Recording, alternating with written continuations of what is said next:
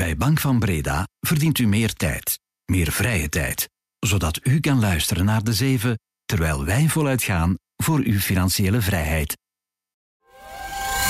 Welkom bij de Zeven van de Tijd. Elke dag om 7 uur onze blik op de zaken in 7 punten. Dit is Bert Rijmen. Goedemorgen. De Europese Commissie vraagt aan de lidstaten om samen minstens 66 miljard euro extra uit te trekken. Onder andere voor steun aan Oekraïne. Dat kan de Belgische begroting tot 800 miljoen euro extra in het rood duwen. Twee grootbanken moeien zich in de strijd om de spaarder en trekken de spaarrente op. Bij KBC maakt de rente zelfs een opvallend grote sprong, maar niet voor alle spaarboekjes. En bedrijfsobligaties zijn de laatste weken sterk in waarde gedaald. Moet je die als belegger nu best verkopen of niet? Donderdag 26 oktober. Welkom. De Zeven van de Tijd. 1. Op een Europese top hier in Brussel buigen de leiders zich vandaag en morgen over een verhoging van het Europees budget met minstens 66 miljard euro. Het grootste deel daarvan, 50 miljard, is bedoeld voor Oekraïne. De rest, minstens 16 miljard euro, vloeit naar andere kostenposten die nu plots meer geld nodig hebben, zoals het personeel bij de commissie en de strijd tegen migratie. Dat kan de Belgische begroting in het slechtste geval tot 800 miljoen euro extra kosten. Niet alle lidstaten gaan zomaar akkoord. Ook ons land heeft wel wat vragen bij die verhoging van het Europees budget. Goedemorgen, Jasper Doren. Goedemorgen, Bert. Chef politiek hier bij de tijd. Uh, Zo'n mega-subsidie voor Oekraïne, Jasper, dat is wel opvallend. Hè? Ja, 50 miljard euro, dat is een, eh, een bom geld. En dat geld moet dienen om Oekraïne de komende vier jaar te ondersteunen. Ja, ja Oekraïne heeft zelf uh, nog maar weinig inkomsten, maar moet natuurlijk wel ja, zijn ambtenaren betalen, zijn soldaten betalen, zorgen dat, dat de boel blijft draaien. Dat kost geld. Mm -hmm. Dat wil Europa helpen te ondersteunen. En uh, verder denkt het ook al aan de heropbouw van het land. Dus een deel van het budget zal ook daar naartoe gaan. Ja, samen met nog eens 16 miljard extra kosten zijn de gevolgen voor de lidstaten niet min. Voor België die 800 miljoen euro, Jasper, daar komt wel wat kritiek op. Dat klopt. Het is premier Alexander De Croo die, die zelf toch iets wat aan de alarmbel trekt. Uh, hij heeft op zich geen probleem, uh, en geen enkel Europees land, denk ik, heeft een probleem dat er -hmm. geld wordt vrijgemaakt voor Oekraïne. De vraag is alleen, wie draait daarvoor op? De Europese Commissie probeert het, de, de rekening volledig door te schuiven naar de lidstaten. België, Nederland uh, en ook een paar andere landen vinden dat de commissie zelf ook wel een deel van die kosten zou kunnen gaan dragen. -hmm. Er is ook discussie over, over de manier waarop dat geld moet worden gegeven. Ga je dat uh, volledig doen als een gift? Wordt dat een lening? Afhankelijk daarvan is die kost voor België 600 à 800 miljoen euro. Dat is een aanzienlijk bedrag. Als je weet dat bij de begrotingsbesprekingen uh, enkele weken geleden ja, er werd afgeklopt op een extra besparing van 1,2 miljard. Ja, die 6 à 800 miljoen euro per, per jaar, dat is bijna dat volledige bedrag. En intussen is er ook nog het conflict in Gaza. Dat komt waarschijnlijk ook aan bod op de Europese top. Ja, en de verwachting is dat het daar eigenlijk langer over gaat gaan dan uh, over die begrotingsbesprekingen. Uh, een begrotingsakkoord moet er zijn tegen het einde van het jaar. Over Gaza is er bij voorkeur ja, vrijdag al een akkoord.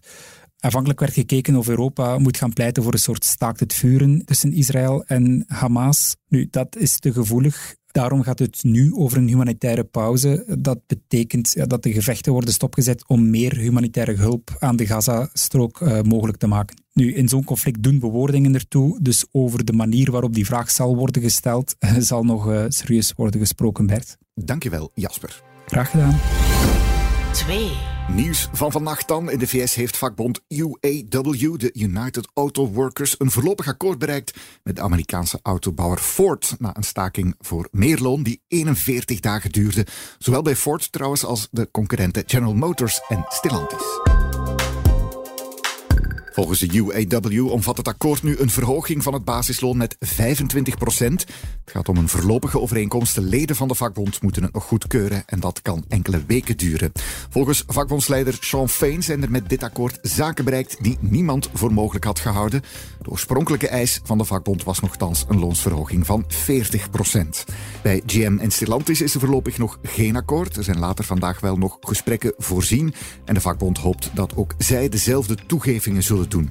Iedereen dus weer aan de slag bij Ford. Zelfs de Amerikaanse president Joe Biden heeft al tevreden gereageerd op het volgens hem historische akkoord. Hij noemde het een voorbeeld van worker power. De loonsverhoging zou Ford volgens analisten in het eerste jaar al zo'n 900 miljoen dollar kosten. Gisteren hebben zowel BNP Paribas Fortis als KBC hun spaarrente opgetrokken. Bij BNP loopt de rente op tot 1,75 procent, bij KBC zelfs tot 2,55 procent. Daarmee gaat KBC de strijd aan met de prijsbrekers. De rente die de grootbank aanbiedt is de op twee na hoogste in ons land. Alleen twee spaarformules van de Spaanse Santander Consumer Bank zijn nog iets beter. Maar wat zijn de voorwaarden om van die hogere spaarrente bij de grootbanken te profiteren? En volgen er nog stijgingen? Tijd collega Bert Broens van onze ondernemerredactie. Goedemorgen. Goedemorgen. Is het een groot verschil voor klanten van BNP en KBC, Bert? En ja, profiteert iedereen mee van die hogere rente? Bij BNP Paribas Fortis is het niet zo'n groot verschil. Maar bij KBC is dat verschil heel wat groter. Eh, in het beste geval komt er bij eh, KBC 1,05 procentpunt rente bij. Mhm. Maar niet alle klanten van eh, de twee grootbanken profiteren van die renteverhogingen. Die gelden enkel voor nieuwe stortingen vanaf 1 december. En bij KBC is er ook een beperking dat de renteverhogingen enkel gelden voor de spaarboekjes Start to Save en Start to Save for. Dat zijn uh, spaarboekjes waar je maar uh, maximaal 500 euro per maand kan sparen. Dus voor het klassieke spaarboekje bij eh, KBC is er geen renteverhoging. Beetje beperkt toch daar. Dit is al de derde golf, Bert, van renteverhogingen op Belgische spaarboekjes. Dit jaar volgen er nog? Wel, dat is moeilijk te zeggen, maar professor Hans de Grijze van de KU Leuven zegt dat er wel nog ruimte is voor renteverhogingen bij de Belgische banken. Als tenminste de Europese Centrale Bank het huidige hoge renteniveau nog een tijd zal aanhouden, en dat is wel de verwachting. Mhm. Maar tegelijk wijst professor De Grijze op enkele tegenargumenten zo heeft de regering onlangs een uitbreiding van de bankentax ingevoerd. Dus dat kost de Belgische banken ook geld. Mhm. Het zou ook kunnen dat de Europese Centrale Bank, om haar eigen verliezen te beperken, vraagt aan de banken om een hogere minimumreserve aan te houden.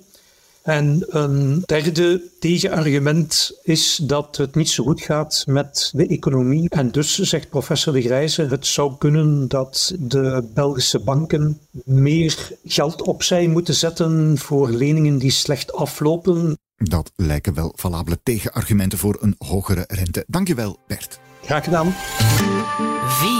4. Het resultatenseizoen draait op volle toeren. Gisteravond na beurs kwam Meta, het bedrijf achter Facebook, Instagram en WhatsApp, met cijfers van het derde kwartaal. En die waren beter dan verwacht. Grote man Mark Zuckerberg was dan ook blij met het resultaat. Techjournalist Roland Legrand van onze redactie heeft alles gevolgd gisteravond. De verwachtingen, zowel in zaken omzet als winst, worden overtroffen. Dit dankzij sterke advertentieinkomsten en ook werpt de aandacht voor hogere efficiëntie vruchten af. Het zwaartepunt van de investeringen, dat gaat volgend jaar, hoe kan het anders, op AI liggen. Ook naar de metaverse, laat ons zeggen een combinatie van virtuele en gemengde realiteit, daar blijven ook miljarden naar gaan. Topman Zuckerberg ziet zowel AI als die metaverse een diepgaande invloed hebben op de apps van het bedrijf. Op termijn tenminste. Gebruikers, adverteerders, creators en bedrijven gaan heel wat nieuwe mogelijkheden hebben en daar gaat ook Meta Platforms zijn voordeel bij doen. Veel Belgische bedrijfsobligaties zijn de laatste weken sterk in waarde gedaald. Ze noteren nu onder het bedrag dat beleggers bij de uitgifte hebben betaald. Niet het rendement dus waarop ze hadden gehoopt. En dat is dus geen goed nieuws voor de particuliere beleggers die de laatste jaren meer dan een miljard euro hebben geïnvesteerd in Belgische bedrijfsobligaties. Is er reden om ongerust te zijn? Moet je je bedrijfsobligaties nu best verkopen of net op een dieptepunt kopen. Goedemorgen, Wouter Verven. Goedemorgen collega van de beleggen-redactie. Wouter, waarom doen Belgische bedrijfsobligaties het niet goed? En ja, welke obligaties krijgen de zwaarste klappen? Wel, eigenlijk alle obligaties doen het niet zo goed de jongste weken. De centrale banken hebben gezegd, ja, wij gaan de beleidsrente ja, gedurende een lange periode hoog houden. En dat heeft ja, de obligatiekoersen ja, wereldwijd eigenlijk doen dalen. Mhm. Men kijkt vooral naar staatsobligaties, maar ook bedrijfsobligaties ja, hebben dezelfde beweging gevolgd.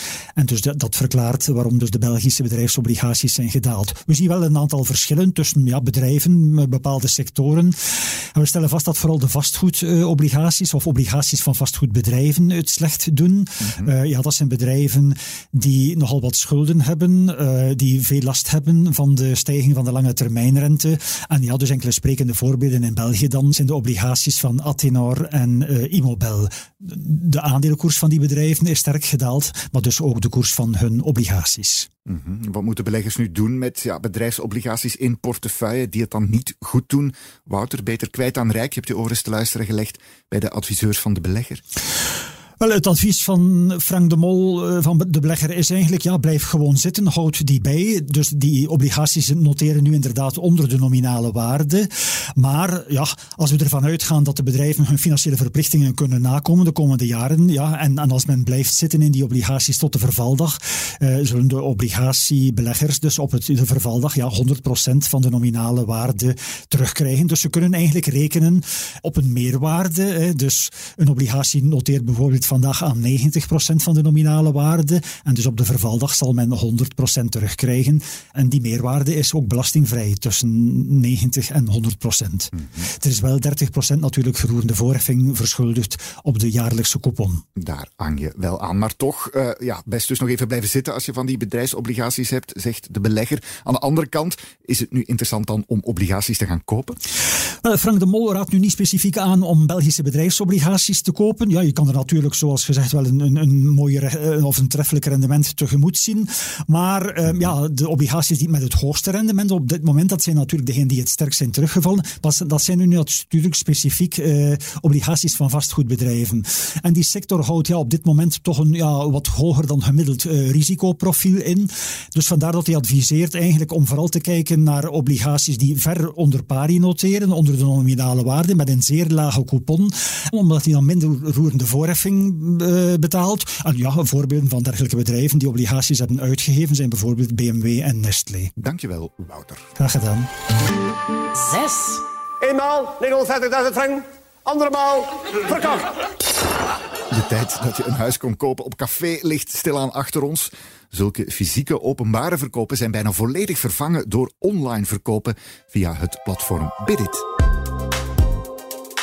Face-to-face tegen elkaar opbieden is iets dat vroeger veel vaker gebeurde. Daarbij werd zelfs nog een kaars aangestoken. Zolang die brandde, kon je je nog bedenken en toch hoger bieden. Eens de kaars uit, was het huis of de grond verkocht. Die folklore is aan het uitsterven. Vorig jaar waren er nog maar een honderdtal fysieke openbare verkopen. Bidit, het online verkoopplatform van de notarissen, bestaat intussen vijf jaar en wint aan populariteit. Vorig jaar zijn er meer dan 9000 panden op verkocht. In 35% van de gevallen gaat het om een gedwongen openbare verkoop, bijvoorbeeld bij een faillissement. Maar ook alsmaar meer gewone verkopers gebruiken het platform vrijwillig, nu al zo'n 65 procent. Er worden vooral veel huizen verkocht via Bidit en veel minder gronden of appartementen. De verkoop van een pand bracht dit jaar gemiddeld 220.000 euro op. Eén uitschieter was onlangs een bouwgrond in Nieuwpoort voor maar liefst 20,5 miljoen euro. Toch best even bij de bank aankloppen voor je zoveel biedt, want elk bod is bindend op Bidit. 7. Ladies and gentlemen, this is the main event of the evening.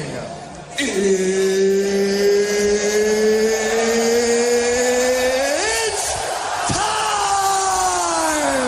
Bruce Buffer is dit, de vaste presentator van de gevechten van de UFC, de Ultimate Fighting Championship, ook wel bekend als kooivechten. Die competitie heeft een nieuwe sponsor, AB InBev. De Belgisch-Braziliaanse brouwer doet er alles aan om de klanten die ze dit jaar in de Verenigde Staten hebben verloren terug te winnen. AB InBev kwam in opspraak nadat een transgender het bier Bud Light op haar sociale media had gepromoot. De volumes van Bud Light kelderden in de verkoop met een derde. Bud werd door rechtsconservatief Amerika uitgespuwd. De nieuwe sponsordeal met het, laten we zeggen, toch iets meer macho kooivechten van de UFC moet dat nu goed maken. AB InBev kan zo reclame maken voor een publiek van 700 miljoen fans in 170 landen en met name in de VS. Kooivechten is daar immers gigantisch populair. Zeker bij het publiek dat de transgender-reclame niet zo kon smaken. Zelfs de voormalige president Donald Trump verschijnt geregeld bij UFC-gevechten. Benieuwd of de reclame bij die kooigevechten de Bad Bud vibe kan keren. Echt rechtlijnig is het niet allemaal. Daarmee zit deze de zeven er weer op. We hadden vandaag veel aandacht voor spaarders en beleggers. Maar wie nog meer wil, kan ik de nieuwste aflevering aanbevelen van de Beursvailleurs, de beleggen-podcast van de tijd. Deze keer is personal finance vlogger Thomas Gunter te gast bij Thomas de Soete. En die kiest vooral voor de passieve aanpak. Daar wil ik echt persoonlijk zelf in investeren, want ik geloof in dit bedrijf in dit project? Nee, ik ben...